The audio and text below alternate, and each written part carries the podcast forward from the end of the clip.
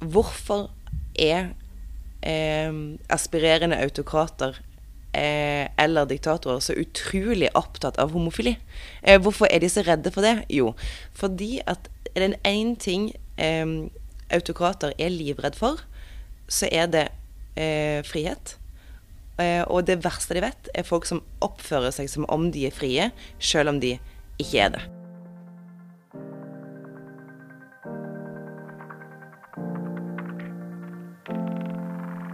Hei og hjertelig velkommen til Konflikt. Dette er en podkast av Jata Oslo om forsvars-, utenriks- og sikkerhetspolitikk. Mitt navn er Oline Lund Knutsen, og jeg er nestleder i Jata Oslo. Forrige uke så kunne du høre leder i Jata Oslo, Mathea Reine Nilsen, snakke med klima- og miljøminister Espen Barth Eide om klimakonflikt, og hvorfor det er viktig å inkludere nettopp klimaendringer når man snakker om sikkerhetspolitikk. Denne episoden her, den handler om Ungarn og parlamentsvalget som fant sted i april eh, tidligere i år. Eh, og til å snakke om det, så har vi fått med oss Jette Christensen. Hun er tidligere stortingsrepresentant og europarådsmedlem. Og vi skal snakke om Ungarn sett i lyset av Urbans eh, forholdsvis store valgseier i begynnelsen av april, og hva vi kan forvente fremover. I begynnelsen av april så tok nemlig Viktor Urban nok en valgseier, og sikra med det sin fjerde periode i det som har blitt omtalt som et fritt, men urettferdig valg. Det greide han til tross for et desperat forsøk fra en samla opposisjon, United for Hungary, ledet av Peter Markizai, som hadde mobilisert det de kunne for å utfordre Urban. Eh, det holdt jo ikke, og valgseieren betyr jo at Urban kan fortsette å styre landet i retning av det han selv kaller et illiberalt demokrati og et kristent demokrati i gammel stil. Eh, Jette Christensen, hjertelig velkommen til Konflikt. Tusen takk. Kjekt å få være her. Eh, det valget her det var jo i forkant også omtalt som et særdeles viktig valg, og mange påpekte jo at dersom Viktor Urban vant igjen, så ville det bety slutten på uh, si, det, det, ungarske demokratiet slik vi kjenner det. da. Og det handler jo i stor grad om hvordan Urban har styrt, og hvilken retning han har tatt landet i siden han kom til makten i 2010, og har jo åpenbart en annen oppfatning av demokrati enn det vi har. Eh, sånn som du ser det, eh, Jette, hva var det som på en måte var avgjørende ved, ved, nettopp dette valget her? Sånn jeg ser det, så er det ikke dette valget eh, det ungarske demokratiet eh, handler om, egentlig. Kampen om det ungarske demokratiet er tapt for en stund siden. Og det er interessant at du eh, trekker opp liksom, definisjonen av demokrati. Fordi det har jo vært en diskusjon veldig lenge i forbindelse med Ungarn. Er det sånn eh, at eh, Orban selv kan få lov å definere hva, hvilken styreform han har? Han omtaler det jo selv som illiberalt eh, demokrati, eh, uten å gi det noen videre definisjon. da. Eh, han har ikke fulgt det begrepet noe videre med innhold. Siste, eller Den eneste ordentlige beskrivelsen han har gitt, var på en sommerleir i 2019. Eh, da beskrev han det som at eh, det, i det illiberale demokratiet så eh, setter man eh, kollektivet foran individet. Eh, og så sier han at reelt demokrati kan ikke finnes uten å springe ut fra en følelse av nasjonalisme og religion, og at det liberale demokratiet, med syn på personlige rettigheter, som seksuell orientering og internasjonale verdier, ikke er et reelt demokrati. Det er ikke en definisjon som er bærende, og det er ikke en definisjon som eh, Han kan ikke få lov å bestemme hva hans styreform handler om, tenker jeg. Eh, det har vært eh, Ungarn har jo falt på demokratiske indekser eh, i veldig mange år. Eh, så langt ned at flere sier at det ikke går an å definere Ungarn lenger som et demokrati. Og da er jo spørsmålet hva er det da? Eh, er det lov, kan vi bruke begrepet illiberalt demokrati når det er så tomt for innhold, egentlig. Fordi at for å kunne løse dette problemet, så må man være enige om hva dette problemet heter. eh, og det er, jo, eh, det er, jo, der diskusjonene ofte er ferdig, da. Men for å, kunne, for å kunne, gjøre noe med det, så må man vite hva, hva det egentlig er for noe. Og så er det jo med, altså med det valget som er, var nå, så hadde man jo også en opposisjon bestående av seks partier som strekker seg på tvers av politiske hva skal jeg si, den politiske linja, da, alt fra ytre høyre og til venstre. Um, det at de nå la på en måte alle sine politiske skillelinjer til side, uh, som for så vidt egentlig er ganske store også, mellom de partiene, og nå gikk sammen med det mål om å fjerne Urban fra makten. Um, hva tenker du på en måte om det, og det at det var seks partier med så ulike politiske linjer, da, kan det også bidra til å forklare hvorfor ikke de greide å nå helt opp? Absolutt. Eh, men samtidig så representerer jo dette et håp. Eh, I Vedems forrige årsrapport så eh, skriver de at nei, eh, det har aldri vært altså Demokratiet er jo tilbakegang over hele Europa og i verden. Men samtidig har det aldri vært så mange mennesker registrert som demonstrerer for demokrati. Eh, og det er jo dette her også et tegn på. Eh, at så mange partier går sammen for å kjempe mot Orban, mot eh, autokratisering, for demokrati. Og så, For det, det vitner jo om, om, en erkjennelse av at demok reelt demokrati kan ikke finnes uten rettsstat, uten mindretallsrettigheter og uten en fri presse. Eh, og det er jo det man observerer at resten av Ungarn på en måte, eh, resten av det ungarske politiske landskapet er enige om. Og så, i sånne omveltninger, da, så vil jo alltid spørsmålet være hvem er du, annet enn å ikke være Orban? Men nå er dette spørsmålet her blitt så altoppslukende, og det handler om den kampen som din generasjon eh, må kjempe i Europa, nemlig kampen for et demokratisk kontinent. Som er erkjennelsen av at det er der det står, og det er det aller viktigste for eh, Ungarn akkurat nå. Mm, og så nevnte du det jo litt uh, her også. Det, det, som blir sagt om det med media og presse, f.eks. Det at skillet også mellom statsmaktene har blitt så enormt viska ut under Orbans uh, styre med maktkonsentrasjon og domstolenes svekkede uavhengighet. Kan du si noe om den utviklingen vi har sett så langt, og hva vi kan forvente fremover, da, nå som eh, går inn i enda en, eh, enda en styringsperiode?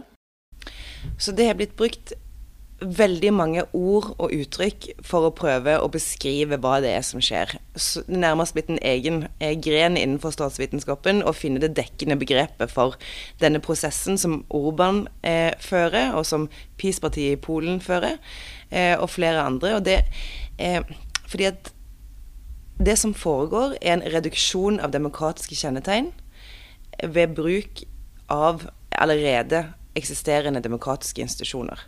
Mennesker kommer til makten og bruker makten med, eh, til å ta fra folk rettigheter, til å tømme institusjoner for demokratiske kjennetegn, eh, med det mål å konsentrere makt og sørge for sitt eget gjenvalg. Eh, og det På engelsk er det et uttrykk som heter 'democratic backsliding'. Nancy Bermeo er den første som, som brukte det uttrykket, og hun definerer det som en statsledereliminering av demokratiske institusjoner som bærer et allerede eksisterende demokrati. Og det er jo egentlig det som det er en veldig god betegnelse på hva det er som foregår, eller hvilken prosess Orban er ført, som har ført Ungarn dit, eller der, der det er nå. Men så, så må vi også ta en skritt tilbake. Ja vel, hva betyr det? Hva er situasjonen i Ungarn? Hva skal vi kalle dette? Eh, hvis vi ikke kan kalle det liberalt demokrati, og det er så tappet for demokratiske eh, kjennetegn, hva skal vi da kalle det? Og det er jo også en egen gren. Eh, men, men, legalt autokrati er et uttrykk som er blitt brukt flere ganger. Eh, og det, eh, i det uttrykket så ligger det at det er eh, at man bruker loven og lovens bokstav til å endre samfunnet og institusjonene og forholdet mellom statsmaktene så mye at man til slutt ender opp med et de facto autokrati. Eh, men autokratiet eh, gjennomfører valg, som du nettopp har observert. Eh, sånn at det er jo det som har vært enden på visa. Men for å nå dette, for å oppnå den posisjonen som Orban har fått, hva har han da gjort? Jo, han har endra eh, en stor gjeng lover. Han har endra Grunnloven. Han har tappa media for, eh, for, pressefrihet. Han har tappa eh, universiteter for frihet. Han har tappa eh, Eller fratatt mindre, mindretallsrettigheter. Eh, og i sum så er det eh, en så stor tapping av, av, demokratiske kjennetegn at det er vanskelig å kalle Ungarn for et demokrati. Sånn at når man svekker rettsstaten, så er det ikke fordi at man nødvendigvis er en motstander av loven, eller at det, er den som er fiende, men det å svekke rettsstaten, det er et veldig effektivt virkemiddel for å oppnå den posisjonen som Orban har fått. Og det å eh, og for, hvordan, man, hvordan, går man fram for å svekke rettsstaten så mye som han har gjort? Jo, da må man lage en slags motsetning mellom lov og politikk der politikk er snilt og lov er slemt. Eh, Orban, som mange andre politikere med denne agendaen, eh, demoniserer loven. Og det eh, gjør man med en type retorikk om at eh, jeg, altså Orban i denne settingen da, eh, jeg er en representant for folkeviljen. Hvis eh, konstitusjonsdomstolen sier at jeg ikke kan gjennomføre en politikk fordi at det bryter med Grunnloven, da betyr det at konstitusjonsdomstolen, eller konstitusjonen i seg sjøl, setter seg over folkemeningen, og dermed er konstitusjonen udemokratisk. Det er jo en, eh, en retorikk som er mulig å fremføre, selvfølgelig, men det betyr jo ikke at den er riktig. Eh, og, det, og, det, er det som gjør at man lager et rom for å omtale loven som noe som ikke er nøytral. For eh, politikere som Orban vil loven aldri være nøytral, fordi at loven er nettopp et vern mot politikere som han. Eh, så da er det hans fremste interesse å tappe den for verdighet, tappe den for legitimitet, og skape et slags inntrykk av at eh, politikk, altså han, representerer en demokratisk folkemening, mens juss er et eliteprosjekt eh, som også kan knyttes sammen med menneskerettigheter, som er et vestlig prosjekt. Man kan snakke om det som et vestlig prosjekt, man kan ikke gjøre det, men Orban gjør det. Eh, og, hva, eh, og, det å dra det videre, så blir det at eh, jo, menneskerettigheter er et eh, vestlig prosjekt fordi eh, det handler om friheten til å elske hvem man vil, frihet til å skrive hva man vil, friheten til å leve det livet man vil, eh, og det er individuelle rettigheter som ifølge hans retorikk er et onde og står imot kollektivet. Eh, og det er det han omtaler at prosjektet hans er. Det stemmer jo ikke i virkeligheten, men det er sånn han bygger opp en retorikk for å, for å skape en muligheter for å føre den politikken som han gjør. Han er jo også en populær eh, mann blant veldig mange, så lenge du passer inn i hans definisjon av, eh, av, folket. Og så følger det goder og litt diverse, hvis man på en måte er innenfor denne gruppen her, da. Eh, hvis man ikke er det, men heller en del av minoritetsgrupper og andre sosialt marginaliserte grupper, hvordan er det på en måte en del eller å være en del av disse gruppene under Urbans uh, styre. Det er jo flere lovforslag bl.a. som gjør det vanskelig. Um, hvordan er det å være de, er på å si, og hvordan ståa er uh, når det kommer til disse gruppene? Så summen av veldig mange lovendringer som eh, Orban har eh, satt i verk, er at de gruppene sine rettigheter som du nå nevner, har blitt svekka. Eh, og det er et skoleeksempel på hvorfor demokrati ikke kan finnes uten eh, en fungerende rettsstat, og hvorfor demokrati ikke kan finnes uten mindretallsvern. Så i, Ungarn nå så er det ikke eh, en fungerende rettsstat, og det er hell, heller ikke et mindretallsvern. Det betyr at noen mennesker lever frie liv, andre gjør ikke det. Eh, der finnes ikke reell ytringsfrihet. Der finnes ikke eh, reell pressefrihet eller eh, reell ytringsfrihet for akademia. Og hva skjer da? Jo, da ender man opp med en stat som, som ikke er reelt demokratisk. Er han populær? Hvordan måles det? Hvordan måles popularitet i en stat som ikke har pressefrihet, og som eh, ikke har ytringsfrihet, og som har en sånn ekstrem forfordeling av goder til folk som er lojalister. Når du vet at hvis jeg oppgir eh, at jeg stemmer på noen andre enn Urban, så kan det være at det fratar meg rettigheter. Det kan være eh, eh, Eller det er iallfall grunn til å tro det. Det er ikke sikkert det gjør det, men mange kan ha grunn til å tro at man blir fratatt muligheter og rettigheter hvis man oppgir eh, å stemme på noe annet enn Ungarn. Så hvilke instrumenter har vi egentlig til å måle oppslutning. Og hvilke instrumenter har vi egentlig til å måle resultatet av valg? Eh, fordi resultatet av dette valget var jo at det var fritt, men urettferdig. Fordi mangel på pressefrihet, mangel på mulig, eh, ulik mulighet til å drive valgkamp, ulik mulighet til å komme fram med et budskap, ulik, ulik mulighet til å i det hele tatt vinne valget, eh, osv. Og da må man jo på et eller annet tidspunkt stille seg selv, stille seg et spørsmål på samme måte som hvorvidt dette er et demokrati. Så må man stille seg et spørsmål om har vi gode nok instrumenter til å måle hva som skjer, for å i realiteten kunne beskrive hva som skjer. Fordi det er jo ikke et menneske med eh, politisk forståelse på denne jord som vil si at dette valget var fritt. Det var ikke fritt. Men instrumentene for å måle, eh, måle, valg, eller beskrive valg, eller gå og observere valg, er innrettet på den måten eh, at man skal sjekke av noen bokser, og så var det urettferdig, ja. Men ut ifra disse boksene så kan man si at det var fritt. Men det var ikke fritt eh, ut ifra den folkelige betydningen av ordet. Eh, og hvis det da er et internasjonalt anerkjent institutt som sier vi har vært der, vi har sett det, vi har observert dette valget, vi sier det er fritt, da vil det være fritt. Men det var ikke det. Eh, så det, jo, det gir jo grunn til refleksjon om, om, hvorvidt man skal også endre måten eh, man innretter valgobservasjonsinstituttet også på. Mm. Eh, hvis man ender opp med å se dette og si at det er fritt. Sant. Og så er det jo en del økonomiske goder òg. Sånn for familier, f.eks. Det er vel at får du x antall barn og må ha en syvseter, så får du 75 000 kroner rabatt. Og så er det noe lån og litt gunstige ting som også gjør sikkert at det forståelig nok for noen er Hvis man ikke har så mye penger fra før, da, at uh, det på en måte er fristende å gå den veien fordi det bringer noen goder sånn i hverdags, hverdagslivet.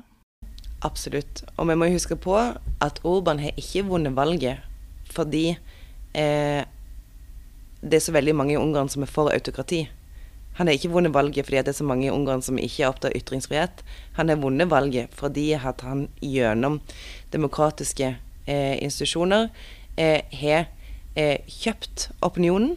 Eh, og, og, han har begrensa mulighet for eh, opposisjon, og han har begrensa muligheten for andre til å vinne valget. Så det er jo det det, det, er det dessverre som gjør at autokrati er enklere, enklere å få til i land der økonomi og overføring fra staten faktisk spiller en rolle for enkeltmennesket i så stor grad som, som det gjør nå. Og så er jo problemet, problemet med eh, populistisk retorikk og problemet med propaganda er jo ikke det at det er ekkelt å se på. Problemet med propaganda er jo at det av og til virker. Mm. Og Det er jo derfor det er farlig. Eh, og når han har eh, fått lov å holde på i så mange år eh, og tegne et bilde eh, av at liberalt demokrati og liberale verdier, det står i motsats til religion, det står i motsats til Ungarn, står i motsats til vår nasjonale identitet. Eh, det i det å være eh, innenfor en eller annen slags form for eh, minoritetsekteskap, eller ha en annen type seksuell retning enn mann og kvinne, eh, så representerer det en trussel mot det vi tror på, det representerer en trussel mot måten vi lever livet vårt på, eh, og det maler et slags bilde av EU som en homofil mann fra Tyskland som er, opp, som er ute, etter å, ute etter å ta fra folk måten de har levd livet sitt på. problemet med den type retorikk over veldig, veldig mange år er jo at det har en funksjon. Eh, og det er jo ikke en reell trussel, dette. Det er ikke sånn at det er en reell trussel at noen i Europa som lever ett type liv, ønsker å påtvinge andre det. Men, men, trussel, men den trusselen er skapt som et retorisk virkemiddel for Orban. Eh, og blitt adoptert av befolkningen. Så det er jo derfor propaganda er, eh, et problem. Problemet med demokratisk tilbakegang er at det er makthavende politikere i eh, europeiske land som bruker makten de har fått fra folk, til å begrense deres rettigheter. Og tilbake igjen til det med democratic backsliding, så er det egentlig ikke så veldig godt uttrykk på norsk. Fordi eh, demokratisk tilbakegang er et bedre uttrykk. fordi at hvis du hvis du oversetter democratic backsliding, så høres det ut som å skli tilbake som det er noe som bare skjer.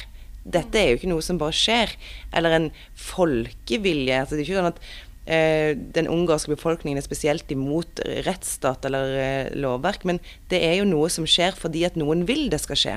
Og i, denne, den forbindelse så er noen Orban. Det er en politisk villet handling. Det er ikke noe som bare eh, Demokratiet driver ikke bare bort, det blir systematisk bygd ned innenfra. Um, EU er jo blant de som har fått uh, en del kritikk fra, for at ikke de har greid å stoppe den utviklingen i Ungarn. Uh, og så ser det ut som det skjer litt mer nå når det gjelder å få dem til å følge rettsstatsprinsippene økonomisk, og at man ser på noen mer formelle prosesser der. Eh, men så er det sånn at med Ukraina nå og krigen der, så ser man jo eh, at Europa og EU for så vidt, de er ganske samla. Eh, og så går Ungarn litt De er på en måte litt i den andre retningen og går litt sin egen vei. Eh, ikke bare i den konflikten, for så vidt, men på mange andre områder, da. Hvordan vil du på en måte beskrive de skillelinjene mellom EU og Ungarn sånn som man ser det nå? EU har jo i sine lover at eh, ikke bare skal land som er medlem av EU følge rettsstatsprinsipper og demokratiske prinsipper, eh, men det står også i EUs lover at det påligger EU å sørge for at det skjer. Derfor er kampen for et demokratisk Ungarn, eller demokratisk Polen for den del, ikke bare en kamp om Polen eller Ungarn, men det handler også om hele EUs eksistens. Eh, og det har jo flere rep av representanter fra EU også sagt, at hvis rettsstaten er ødelagt i ett land, så er det ødelagt i hele unionen. Det å si det er ekstremt ambisiøst og veldig sårbart når EU i så mange år har prøvd forgjeves å stoppe eller bremse den demokratiske tilbakegangen i sine egne medlemsland. Eh, de lagde jo dette Rule of Law Framework i 2014, eh, som var en direkte konsekvens av eh, Orbans politikk. Det var ment eh, som et instrument for å, for å bremse den demokratiske tilbakegangen. Problemet med det instrumentet var at det var rigga for å adressere noen, noen politikere som mente at det å være demokratisk er viktig. Eh, fordi at hele eh, retorikken i, i, bruk av rule of law framework som et slags dialoginstrument med flere forskjellige skritt, eh, er at hvis, hvis, ikke dere gjør dette og dette og dette, så eh, syns vi i EU at det er en fare for at rettsstatsprinsippene blir brutt hvis du er opptatt av rettsstatsprinsippene, så vil du tenke oi, ja, da må jeg kanskje endre meg, da. For jeg, vil jo være en politiker som fremstår som om jeg er opptatt, opptatt av rettsstatsprinsippene. Men hvis man ikke syns det er viktig, så betyr det ikke så veldig mye. Og hele funksjonen for eh, sanksjoner er jo at det må ha en kostnad for mottaker å bli utsatt for den. Men hvis den eneste kostnaden er, er at EU ikke syns at du er en rettsstat, eller at EU ikke syns at du er tilstrekkelig demokrati, når du i deg sjøl har gjort EU til din opponent, så er det ikke så verdifullt. Men så de skillelinjene mellom Polen og Ungarn, som var det du spurte om, de har blitt lagd av, av eh, Orban sjøl. EU-lover, på samme måte som nasjonal grunnlov, er jo til hinder for at han kan føre den politikken han ønsker. Så da har han brukt den samme type juridiske eh, retorikken om å gjøre loven til en, en, slem størrelse, eller en størrelse som står i veien for, for demokrati og folkevilje. Og prøvd eh, å selge inn en historie, eller prøv, prøvd å på en måte skape en virkelighet der det er sånn at alle land i EU har muligheten til å bestemme bare vedta hvilken som helst form for lover de bare vil. Det har alle land, men de har ikke lov til å bryte rettsstatsprinsipper. Og det er ikke opp til hvert enkelt land. Det står i eh, eh artikkel fire, og, eh, og, det visste man på en måte når man ble medlem. eh, men, men, så skillelinjene mellom, mellom EU eh, e og, og Ungarn er de samme som mellom de som står mellom demokrati og autokrati. Eh, det er det som er skillelinjene. Det er rettsstat, mindre, mindretallsrettigheter, pressefrihet, ytringsfrihet eh, og muligheten til å leve et fritt liv. Altså Med det som skjer nå, så er det jo Vi ser også at han på en måte søker og knytter seg litt mer mot Russland. Eh, også Kina og for så vidt. På noen områder kalles mini-Putin Putins valp. Og så er det jo noe med disse anti-homolovene også som minner mye om det som eh, Putin har, eh, har fått gjennom. Eh, hva betyr det på en måte for Um, for det er jo en balansegang her mellom det at man ikke vil at de skal trekke lenger den veien, Ungarn, men samtidig som vi må holde dem Vi vil jo ikke at de skal ut av unionen heller, for da Det er jo en balansegang der. Hva tenker du om, på en måte, om den? Så her er det eh, to ting eh, samtidig. Det første er eh, det med homofili. Hvorfor er eh, aspirerende autokrater eh, eller diktatorer så utrolig opptatt av homofili. Eh, hvorfor er de så redde for det? Jo, fordi at er det én ting eh, autokrater er livredd for, så er det eh, frihet. Eh, og det verste de vet, er folk som oppfører seg som om de er frie, selv om de ikke er det. Og det er jo eh, den bevegelsen er stort en, en representant for. Eh, samtidig så utgjør det eh, er jo en del av den retorikken som er ført, nemlig liberale verdier, det å eh, leve i ekteskap eller leve et liv som ikke er mellom mann og kvinne. Det er en del av retorikken som er blitt bygd opp eh, for å skape et slags fiendebilde. da, eh, At det her er noe som, som, som truer noe som aldri, som aldri har vært trua. Eh, så det er derfor eh, at eh, homofiles rettigheter er noe av det første eh, autokrater går etter. fordi at det er en del av et ledd i å, å skape en form for, for fiendebilde som ikke fantes fra før av. Um, og nå samtidig med det valget som du observerte, så var det jo en folkeavstemning. Mm. Eh, og den folkeavstemningen det var jo om, eh, om, en lov som var jo helt sånn skoleeksempel på denne type form for retorikk. Eh, nemlig at det, det, skulle være en lov for å verne barn mot eh, propaganda eh, om homofili. Men det loven handler om, var å frata barn rettigheter om å få undervisning i eh, seksuell orientering. Eh, og det er jo to veldig forskjellige ting. ja. Eh, men så eh, den andre delen av spørsmålet litt. Så eh, Man ser det nå med eh, i forbindelse med Ukraina, altså krigen i Ukraina. Og man har sett det også før det, at diskusjonen om å kaste land ut av ting, eh, er jo veldig ofte noe som, som kommer på bordet. Eh, Russland er jo nå eh, ute av eh, Europarådet. Det er ikke bare fratatt stemmerett, de er ute av Europarådet. Eh, de er ute av, eh, av, av flere internasjonale grupperinger som er til for å beskytte menneskerettigheter. Hvem tjener egentlig på det? Eh, at Russland er ute Det å være i Europarådet, det gir eh, mennesker i medlemsstaten eh, et vern eh, mot sine egne myndigheter. Fordi at eh, mennesker som bor i land som er med i Europarådet, kan klage sine rettigheter inn til Menneskerettighetsdomstolen. Det vernet har ikke russiske borgere nå. Det vernet har ikke de nærmere 20 000 menneskene, menneskene som sitter i russiske fengsler fordi at de har demonstrert mot denne krigen. De kan ikke gå til Menneskerettighetsdomstolen lenger. Um, så det er jo en sånn splitt side her. Effekten av å kaste Russland ut av Europarådet i hermetegn eh, er jo begrenset for Putin. Eh, og hva er Europarådet egentlig? Europarådet er jo ikke en klubb du blir medlem av hvis du er skikkelig flink til å overholde menneskerettighetene. Europarådet er jo et sted å holde land ansvarlig for sine egne menneskerettighetsbrudd, og kunne diskutere dette. På samme måte som det er absolutt ingen som tjener på at Ungarn eller Polen går ut av EU. Eh, Iallfall ikke eh, Polens befolkning, og iallfall ikke Ungarns befolkning. Eh, men på et eller annet tidspunkt så må man jo ha en sanksjon som har noe å si som har noe å bety, hvis man skal bremse denne demokratiske tilbakegangen. Men, men vil, det være, vil, det oppleves som en trussel? Vil det oppleves som, no, som å bli fratatt noe?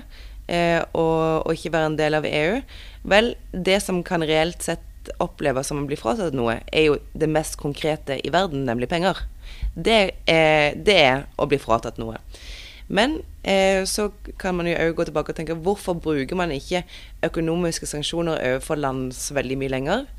Jo, det er fordi at det er vanskelig at det blir målretta. De blir veldig ofte hvis, hvis, de går utover et statsbudsjett som da går utover eh, sivilbefolkningen, eh, for å kalle det det, eh, så kan man ende i en situasjon der makthaveren, altså i den forstand Orban, kan bruke det mot den som sendte sanksjonen. Se her, jeg har et lite statsbudsjett. Det er fordi EU er slemme og de hater oss, og de gir jo ikke penger. Eh, så det kan det må innrettes på en måte som er målrettet, som kun rammer de de skal ramme, på samme måte som man nå prøver å nå eh, russiske oligarker, f.eks., med målrettede økonomiske sanksjoner. Og så er det jo avslutningsvis her, så bare lurer jeg også på det Altså Urban er jo på en måte ikke den eneste som er eh, Hva skal jeg si, sånn han er. Det, han har mange likesinnede på høyresiden, ikke bare i Europa, men USA for så vidt, andre steder, um, ser vi på en måte et Europa som beveger seg inn i en periode hvor uh, si, denne typen av nasjonalisme er, gjør seg mer og mer gjeldende. Nasjonalisme og konservatisme uh, altså i, i, negativ forstand, da, altså ikke i sånn politisk retning uh, konser konservatisme. Eh, men, men, nasjonalisme og det å, å, å, være imot et pluralistisk samfunn, eller det å være imot eh, rettigheter for mindretallet, det er ikke noe som er i vekst i befolkningen. Men det er en, et virkemiddel og en retorikk som er i vekst blant de som er, er i markedet for å ta fra menneskerettigheter for å gi seg sjøl makt. Eh, men det er håp, som vi begynte å snakke om. Det har aldri vært flere som demonstrerer for demokrati enn som er blitt målt i verden nå. Det betyr at håpet ligger i folk. Det ligger i eh, Ungarns befolkning, eh, det ligger i eh, hos de som er medlem av EU de i landene rundt, de som står opp for demokratiet som grunnpilaren for at vi kan ha eh, en rettsstat, for at vi kan ha, vi kan ha menneskerettigheter, for at vi kan ha et marked, for at vi kan ha velferd, eh, for at vi i det hele tatt kan kunne ha den verdensorden som har tjent oss vel etter andre verdenskrig. Der er det kampen står nå. Den står på vårt kontinent, i vår levetid. Det hadde man aldri trodd i 1989, for å si det forsiktig. Eh, og det er en kamp som denne generasjonen her må ta, fordi at de som eh, var der eh, i 2010, 2011, 2012 eh, for, eh, for um, Ungarn sin del ikke klarte å bremse dette tidlig nok. Det betyr at det, problemet har vokst seg stort. Man har gått etter enkeltlover istedenfor å gå etter hele prosessen. Og hele prosessen er demokratisk tilbakegang, forvitring av, eh, av demokrati og autokratisering. Og nå står vi der at Ungarn ikke blir klassifisert som et demokrati, Ungarn er et land som er medlem av EU, som er på vårt kontinent, eh, som er, eh, som er en, en, del av vårt, eh, vårt, fellesskap. Og det må vi ta ansvar for sammen. Eh, og det er en mye lengre vei å gå nå enn det det eh, ville vært hvis man hadde eh, klart å, å, se denne prosessen for, for, hva det egentlig var da tidligere. Jette Christensen, tusen takk for at du ville komme til Konflikt. Tusen takk for at jeg fikk komme. Du har nå hørt Konflikt, en podkast av Jata Oslo. Vi er en organisasjon for studenter og unge yrkesaktive med interesse for forsvars-, utenriks- og sikkerhetspolitikk. Sjekk oss gjerne ut på Facebook og Instagram, og anbefal gjerne podkasten til en venn, eller gi oss en rating på iTunes, så kan vi nå ut til enda flere. Og ikke glem å tune inn neste søndag for en ny episode av Konflikt. Vi høres.